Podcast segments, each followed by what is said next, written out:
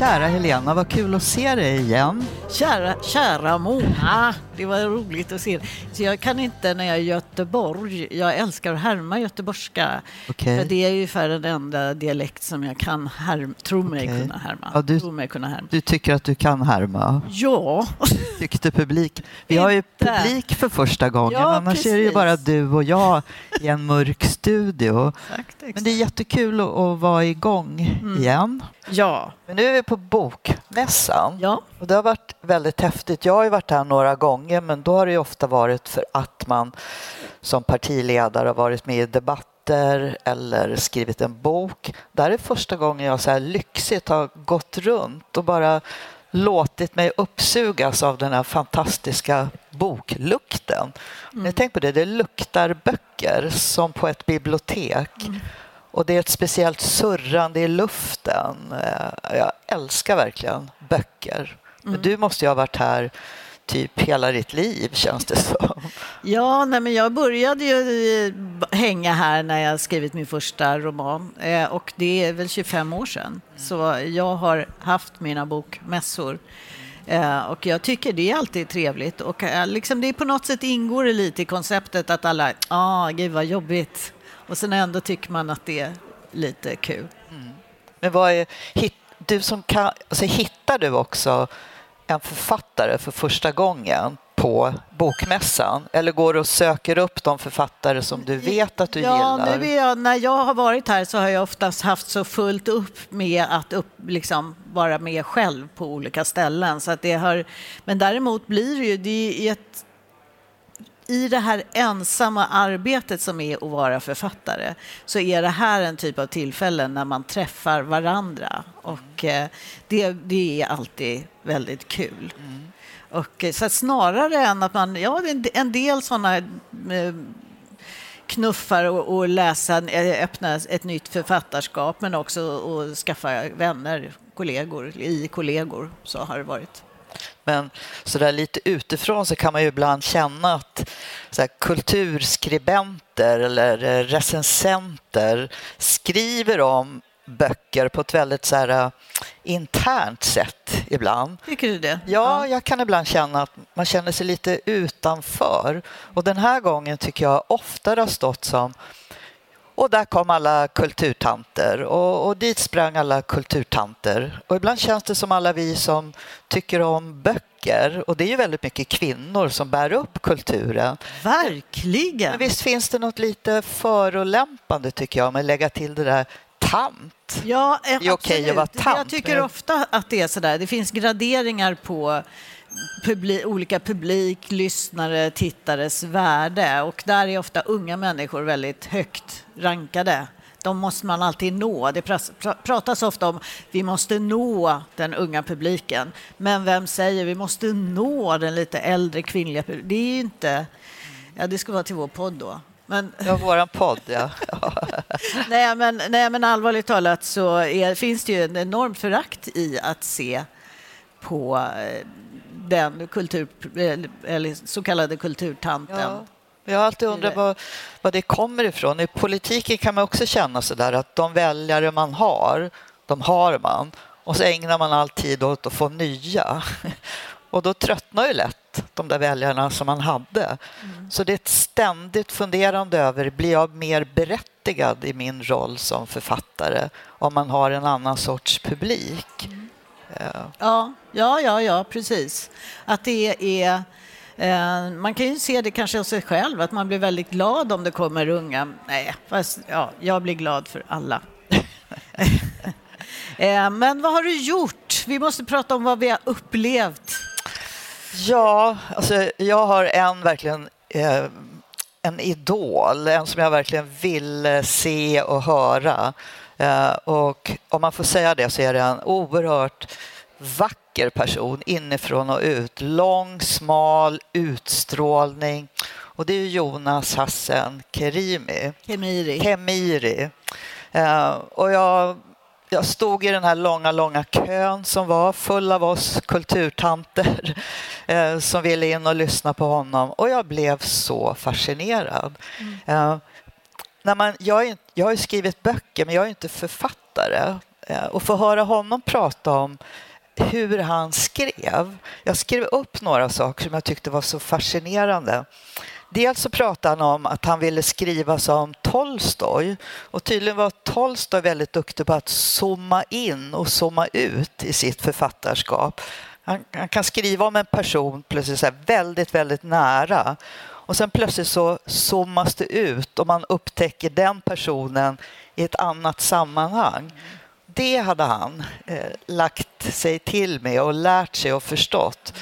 Jag hade aldrig tänkt tanken men Nej, förstår men ju när han ja, pratar om det där att zooma in och ut. Eh, men det andra som han sa, det, hans bok heter ju Tre systrar. Och när han började skriva om de här tre systrarna eh, så var hans eh, döttrar samtidigt inne i att de älskar superhjältar. Så i början så tänkte han ge de här systrarna olika eh, vad heter det, superhjälteegenskaper. Eh, en syster skulle kanske med sina ögon kunna bränna hål på det hon inte gillade. Någon skulle kunna flyga och se uppifrån. Men, sa han, då kallade de här tre systrarna, hans fiktiva systrar, honom till möte och sa att de var inte nöjda med att få superegenskaper. För de tyckte faktiskt det var tufft nog att vara kvinna och slita och kämpa med att vara den de är. Så de ville inte vara superhjältar. Så han lyssnade på det mötet och sen så skrev han om systrarna ja. till ja. Och det var också så fascinerande. Kan, kan du också göra så att man liksom frilägger personerna som man skriver om till att prata med? Ja, absolut. Det är ju någonting. Det, det, tycker jag ofta när jag skriver är det mest utmanande men också absolut viktigast att känna att det här är människor som börjar leva och bete sig. Och som man liksom känner att man måste släppa lite för att man kan inte styra dem längre. Och de kan börja liksom bli, bli någonting som jag egentligen, egentligen, egentligen inte vill eller har tänkt eller så. Ja. Är, så är det. Ja, jag, blev så, jag måste verkligen läsa. Det är tydligen 700 sidor tjock bok. Han var så stolt över att det var den första boken han skrev som man kunde ställa. Eh, inte öppna den, utan den stod bara han ställde den. Men det var också, han, skrev, han sa också att han, han skrev in sitt namn i romanen. Så det finns en romanfigur som heter Jonas Hassem Kemiri som inte är han. Eh, det är hans namn. Eh, och han hamnade också i en diskussion om hur många, när han växte upp, hur många eh, i den tiden när rasisterna var väldigt närvarande på gatorna och överallt så blev ju han tillskriven att vara en viss sorts person för att han då var svensk-tunisier. Så hans namn symboliserade något som någon tog ifrån honom och sa jaha, det är sån du är. Mm. Så han lekte också i romanen med. Om man lägger in ett namn, lägger man in sig själv, lägger man in sina tankar om sig själv, om andras tankar. Ja, jag blev så fascinerad måste jag säga. Ja, nej, men jag, tänk, för jag tänkte just så här, varför, varför lägger han in sitt namn om, han, om det inte ska vara han? Det, nej, men är det... namnet en person? Är namnet en projicering av en ja. person? Ja. Stämmer jag vad namnet betyder? Ja det är värt att tänka mycket när man pratar ja, om Speciellt i dagens läge där det finns eh, då somliga politiker som skriver hej då Hassen. Det skulle ju kunna vara riktat till honom. Absolut. Han hette ju Hassen i mellannamn. Ja, hej då. Precis. Obehagligt. Så det blir Alltså jag tycker ju om böcker, ibland för att de bekräftar vad man själv tycker.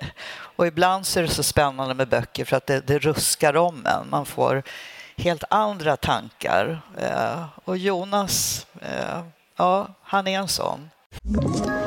Ett poddtips från Podplay. I podden Något Kaiko garanterar östgötarna Brutti och jag, Davva, dig en stor dos skratt. Där följer jag pladask för köttätandet igen. Man är lite som en jävla vampyr. Man har fått lite blodsmak och då måste man ha mer. Udda spaningar, fängslande anekdoter och en och annan arg rant. Jag måste ha mitt kaffe på morgonen för annars är jag ingen trevlig människa. Då är du ingen trevlig människa, punkt. Något kajko, hör du på podplay. Därför är gardinerna. Eh, så, så, som då gammal mässdeltagare så kan jag prata, tänkte jag skulle prata om det. Det finns alltid någon någon eller flera snackisar. Det är alltid någonting som har hänt, någon som har sagt någonting, någon som har gjort någonting som alla pratar om och förhåller sig till. Och igår var jag på mitt förlags middag och där fanns David Lagerkrans och han har ju skrivit en sån, han skrev ju en krönika okay. härifrån. Eh, och där han faktiskt, jag tror att han, det lite var tanken så här, gode gud, eh, låt mig slippa träffa en deckarförfattare för att de är så fruktansvärt tråkiga. Och, eh, Skrev han det? Ja. Okej. Okay. Eh, visserligen sådär lite självironiskt, men eh, liksom lite sådär mer på skämt. Men jag ska se här om jag kan lyckas hitta eh, där. Jo, nej men han, och det här är intressant. Jag tar upp det här för att det är intressant och jag blir jätteobekväm av att prata om det här. Jag tycker att det är otroligt jobbigt men intressant.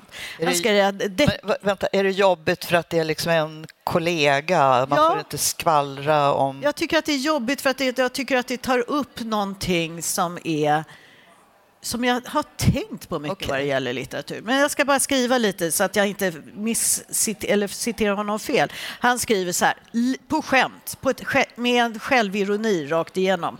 Så skriver, men han skriver ändå, deckarförfattare är hopplösa, inte ett intressant ord säger de, de pratar bara så dödens tråkigt om förlagskontrakt och försäljningssiffror och är jättenoga med att vara jättesnygga på Insta och lägger ut varje liten framgång på Adlibris alla sociala medier.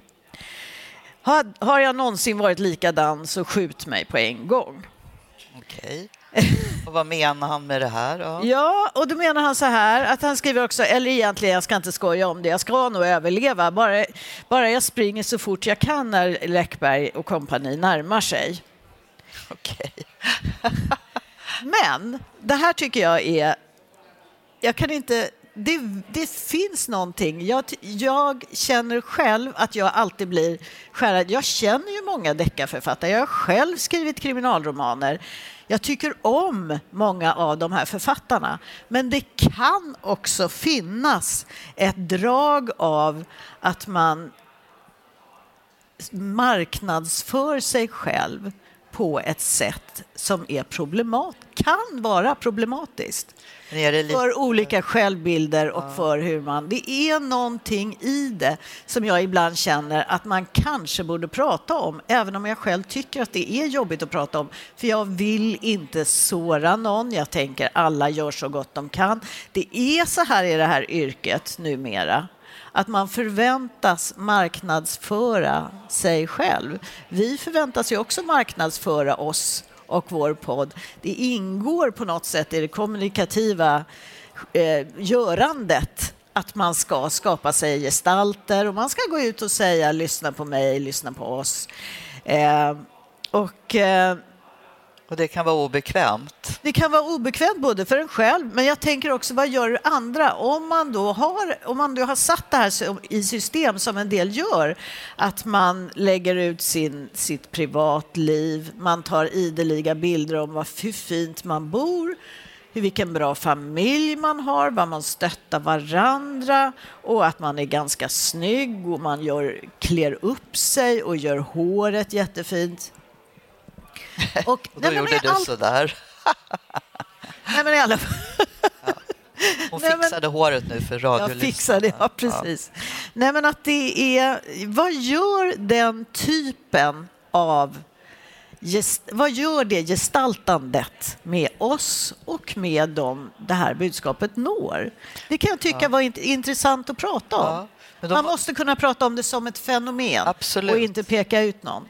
Men då måste jag berätta, igår, vi gick ju på olika ställen i mässan igår för att få olika intryck. Och då går jag i en korridor och då ser jag fyra enormt långa, fantastiska färgglada människor som gick och blåste såpbubblor och det var ju då gänget med drakar och dragqueens som är fantastiska. Jag älskar dem. Jag har varit och lyssnat på dem när de läste sagor för mina barnbarn i Hultsfred.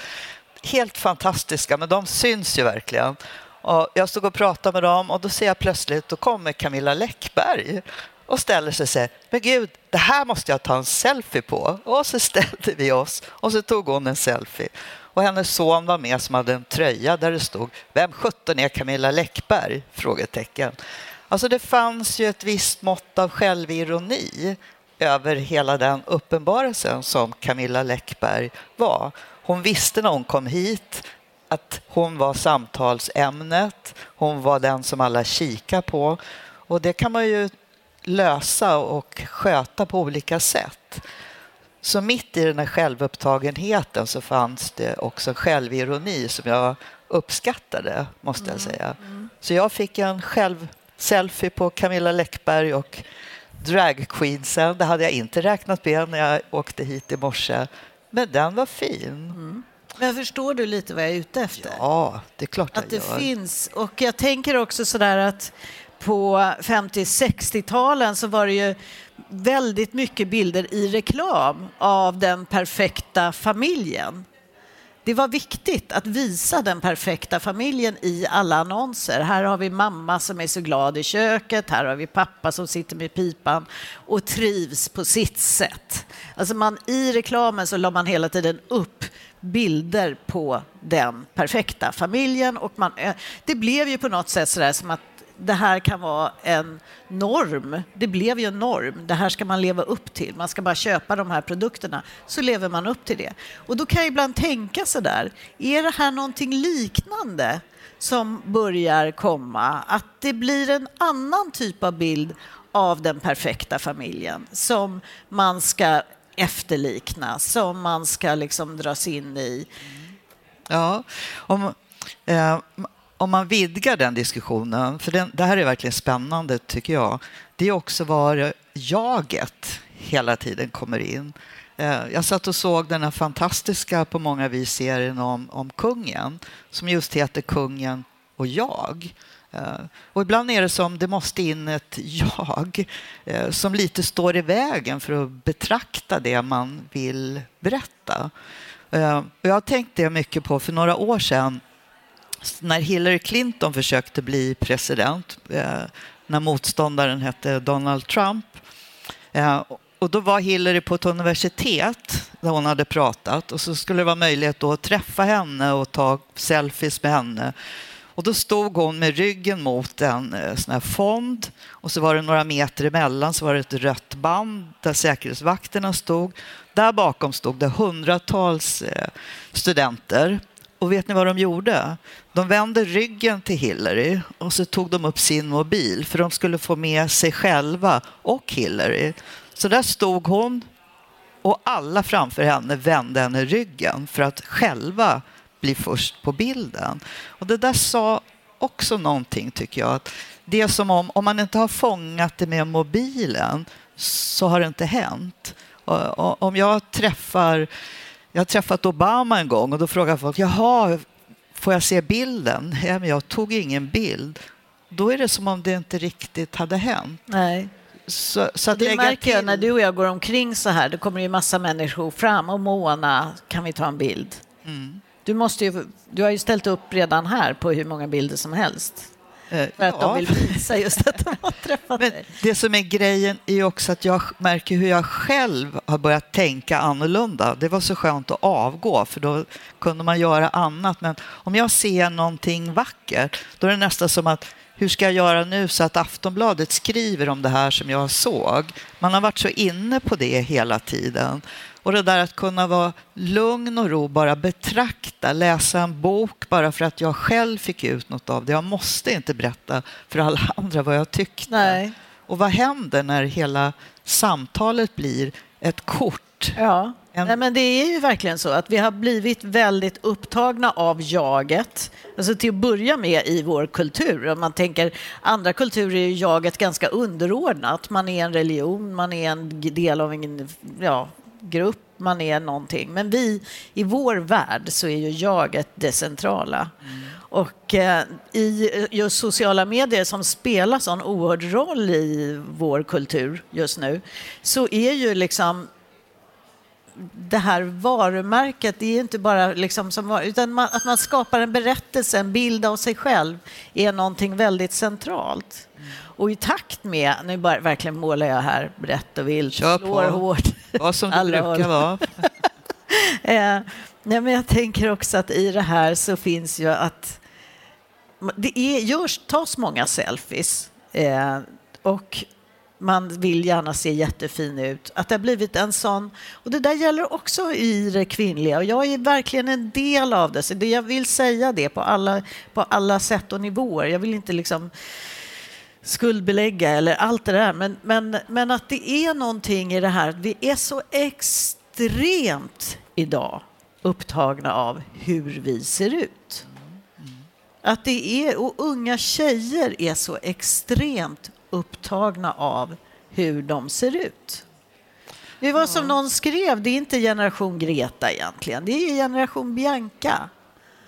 Och det där känner jag också när det gäller min egen generation eller kollegor och allt det där. Att hur ska vi kunna, liksom, kan man prata om det här på något sätt utan just att men, andra människor känner sig utpekade och att man tar hänsyn? Eller är det att man tycker själv att det är lite pinsamt att prata om? För jag har varit och gjort mina ögonbryn, jag kan inte hålla på. Vilket avslöjande. ja, men, eh man är lite, jag är lite kluven till, till hela den diskussionen. Jag ser verkligen avarterna, men på ett sätt som ofta kvinnor, men ibland män, ju också har levt med under många, många generationer. Att vi berättigar vår tillvaro genom att vara vackra, genom att vara snygga, eh, genom att synas och själva göra oss fina hela tiden, eller hur? Eh, men det är också ett sätt att finslipa på den man själv vill vara, inte bara vad andra förväntar sig att man ska vara. Och det har blivit så påtagligt när ju äldre man blir så är det till och med liksom fult att säga om jag säger så här, men jag börjar bli rätt gammal. Nej, men är inte du gammal? Är det alltid någon som säger. Ja. Jo, säger jag. Jag är ja. 66 ja. år. Nej, men gud, det syns ju inte. Ja, men vad säger vi när vi... All, vi vill leva länge, eller hur? Men Alla ingen vill bli, bli gammal. gammal. Ja, precis. Så hur, hur, hur får man vara vacker vacker. Jag menar, jag slutade färga håret eh, och det var lite som att man på något vis ville acceptera sig själv. För mig blev det en viktig sak. Men tycker du, om, tycker du att den här synen på utseende, kan du hålla med mig om att det har ändrats genom åren om du jämför med när vi var 2030 och hur det ser ut idag? Tycker du att det finns någonting att säga, oj, att säga om det? Eh, att det går mo mode i utseende på ett sätt som ju bilden, selfien, allas eh, ögonbryn ska snart se likadana ut. Eh, man sminkar sig på samma sätt. Man, man eftersöker inte att vara unik utan att vara likadan så mycket som möjligt som andra. Det är det som stör mig mest. I en tid där man liksom tycker att, att vara unik, att vara sin egen, att, att det ska vara något som ska vara fantastiskt med den tid vi lever i nu. Att fler av oss kan välja hur vi vill vara. Och samtidigt säger reklamen och samhällsdebatten att vi ska se mer likadana ut. Det är lite det du Men säger ibland också. tänker jag också så här att jag är en eh, generation, tillhör en generation där vi håller det naturliga högt. Vi tycker att det är fint att se naturlig ut. Men då tror jag att det är, det är inte så för yngre personer. De har inte, det finns ett annat, så lite mer cartoonish eh, ideal, eller vad man ska säga. Mm. Eh, som, som ser ja. som, där, där är inte så himla viktigt. Man kan ha jättestora ögonfransar och liksom, det är inte så att någon tror att det är något som man råkar... Eller liksom, ja. Nej, jag vet inte om jag tycker det är så kul att se naturlig ut. Det är snarare att man får acceptera att ja. man får rynkor på halsen. Så är det. Eh, och ganska skönt och ekonomiskt att sluta färga håret för typ tusen kronor i månaden till att vara som man är. Ny säsong av Robinson på TV4 Play. Hetta, storm, hunger. Det har hela tiden varit en kamp. Nu är det blod och tårar. Fan händer just det. Är detta inte okej. Robinson 2024, nu fucking kör vi! Streama söndag på TV4 Play. Ett poddtips från Podplay. I podden Något Kaiko garanterar östgötarna Brutti och jag, Davva, dig en stor dos skratt. Där följer jag pladask för köttätandet igen. Man är lite som en jävla vampyr. Man har fått lite blodsmak och då måste man ha mer.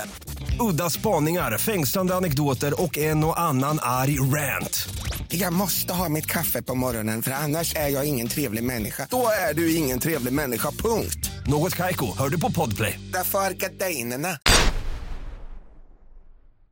Men jag tror att vad jag menar egentligen, eller vad jag vill prata om med det här, det är just det här, vilka signaler lämnar man efter sig? För att det är ju så, med, med stigande ålder så kan jag känna att man ändå har en vilja att kanske inte direkt vara förebild, det låter så stort, men att man ändå har en, en eh, man lämnar ju någonting efter sig, man formar ju en generation, man formar ideal.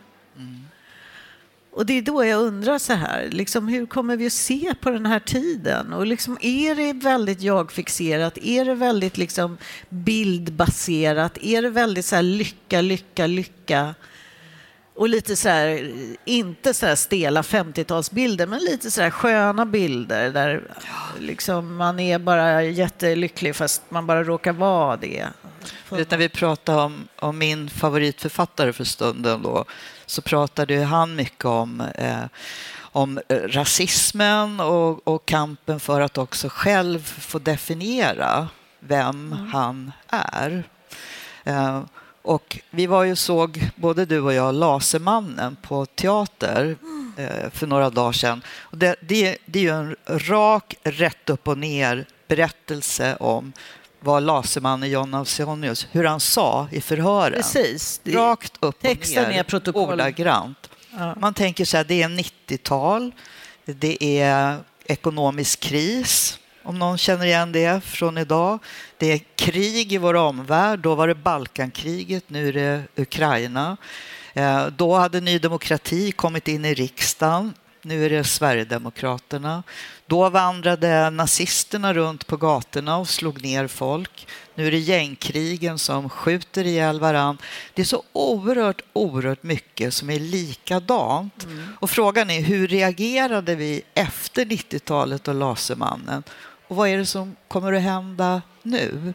Och han Lasermannen själv, eller John Ausonius, sa ju det när han bekände att han var präglad av samhällsklimatet. Mm. Han, han, citerade en, en riksdagsledamot, jag vet inte om någon här kommer ihåg det, men en som ja. hette John Bouveng var en av Ny Demokratis mm. riksdagsledamöter. Och han hade sagt då att det var så himla mycket Eh, n-ordet i världen, men om de levde nere i Afrika så käkade ju lejonen upp många av barnen, så det blev liksom jämvikt i samhället.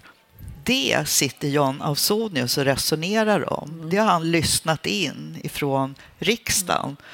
Och ibland känns det ju som att kanske då sådana som Björn Söder och Richard Jomshof också skulle fundera över ja. sättet som man uttrycker sig idag. Verkligen. Landar ju ute i samhället. Ja. Ja. Vi skriver om i våra böcker landar ute i samhället. Precis, och det var lite det jag menade också med alla de här bilderna av allting. Det landar ju också ut i samhället. Men det där är ju så, när man såg den föreställningen var ju en isande känsla ja. av. Och jag, jag, tänkte lite på, om vi liksom börjar prata lite om också författarna som vi har stött på här. Ja. Så till exempel så pratar ju eh, Jonas Gardell om fjollor, att det är verkligen eh, världens mest föraktade figur helt enkelt. Den föraktade både bland många liksom, homosexuella men också även eh, hetero förstås. Och då tänk, ja, för jag har alltid tänkt på det just, att fjollan är ju egentligen världens modigaste människa. Och jag tänker just på de här gängkonflikterna, att jag skulle vilja gå fram till någon av de här tuffa killarna som står med pistoler och säga Du lilla vän, skulle du våga gå fjollklädd genom över torget här? Jag lovar dig, de skulle, de skulle hellre skjuta sig själva än att göra det. Alltså det är sån enorm... Jag bara fick en sån bild av dig på allvar. Gå ut på gatorna och gå fram. Bejaka din inre fjolla. ja, nej men ja, jag menar jag bara att det är sån... Det vad, är, vad är mod? Vad är mod? Och det har alltid för mig varit den, största, liksom, den tydligaste bilden för mod att if, liksom, göra någonting med sin manlighet. Och, ju, liksom, ju, eh, och det kan man ju se också på kriget, eh, Rysslands krig mot Ukraina, att hur ofta de lyfter fram det där att västvärldens män, de har liksom tappat det, de är inga riktiga karlar längre, de är liksom fjollor, typ. Världens riktigt hårda regimer, världens riktigt fraktfulla diktaturer vilka är ofta grupperna de ger sig på först? Så är det väldigt ofta de homosexuella, det är väldigt ofta feministerna. Och då borde också samhällets hela försvar vara som starkast för de grupper som alltid är de som blir utpekade först. Mm. Och för mig är det lite bokmässans, det fantastiska med bokmässan, att här tar grupper och människor plats de får höras och vi måste våga lyssna på dem. Precis. Tiden går fort när man Tiden har roligt. Tiden går fort när man har roligt och jag tänker bara en författare som jag skulle vilja plocka fram lite bara avslutningsvis. Det är också dels att Lena Andersson var här med sin nya roman som, lät, eh, som låter väldigt spännande som heter Studier mänskligt beteende för att hon lyfter fram det här att vill man förstå människor så ska man verkligen, då behöver man inte gå till sociologiska studier och sånt utan man ska läsa skönlitteratur. Att det är det bästa. Och sen var ju vi båda och lyssnade ja. på Vigdis Hjort, fantastisk norsk författare som skriver romaner som man man blir liksom, eh, tycker det är jättejobbigt. Ja. Jag älskar hennes röst ja. dessutom. Du sätter någon annan igång ja. där och pratar. Men eh, då började podden nu. Ja. Och eh, efter ett långt uppehåll så är vi igång nu igen. Precis. Och, eh, och nästa, vårt nästa poddsamtal, vi kommer ju igång ganska sent och då ska vi prata om varför Precis. vi kom igång så sent. Och det. Tack för att vi hade publik Tack. den här gången. Tack. Tack så mycket.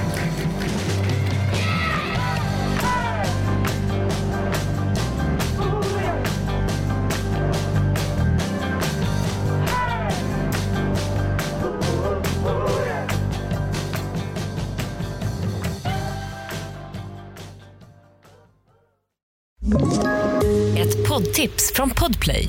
I fallen jag aldrig glömmer djupdyker Hasse Aro i arbetet bakom några av Sveriges mest uppseendeväckande brottsutredningar. Går vi in med hemlig telefonavlyssning och, och då upplever vi att vi får en total förändring av hans beteende. Vad är det som händer nu? Vem är det som läcker? Och så säger han att jag är kriminell, jag har varit kriminell i hela mitt liv men att mörda ett barn, där går min gräns. Nya säsongen av Fallen jag aldrig glömmer på Podplay.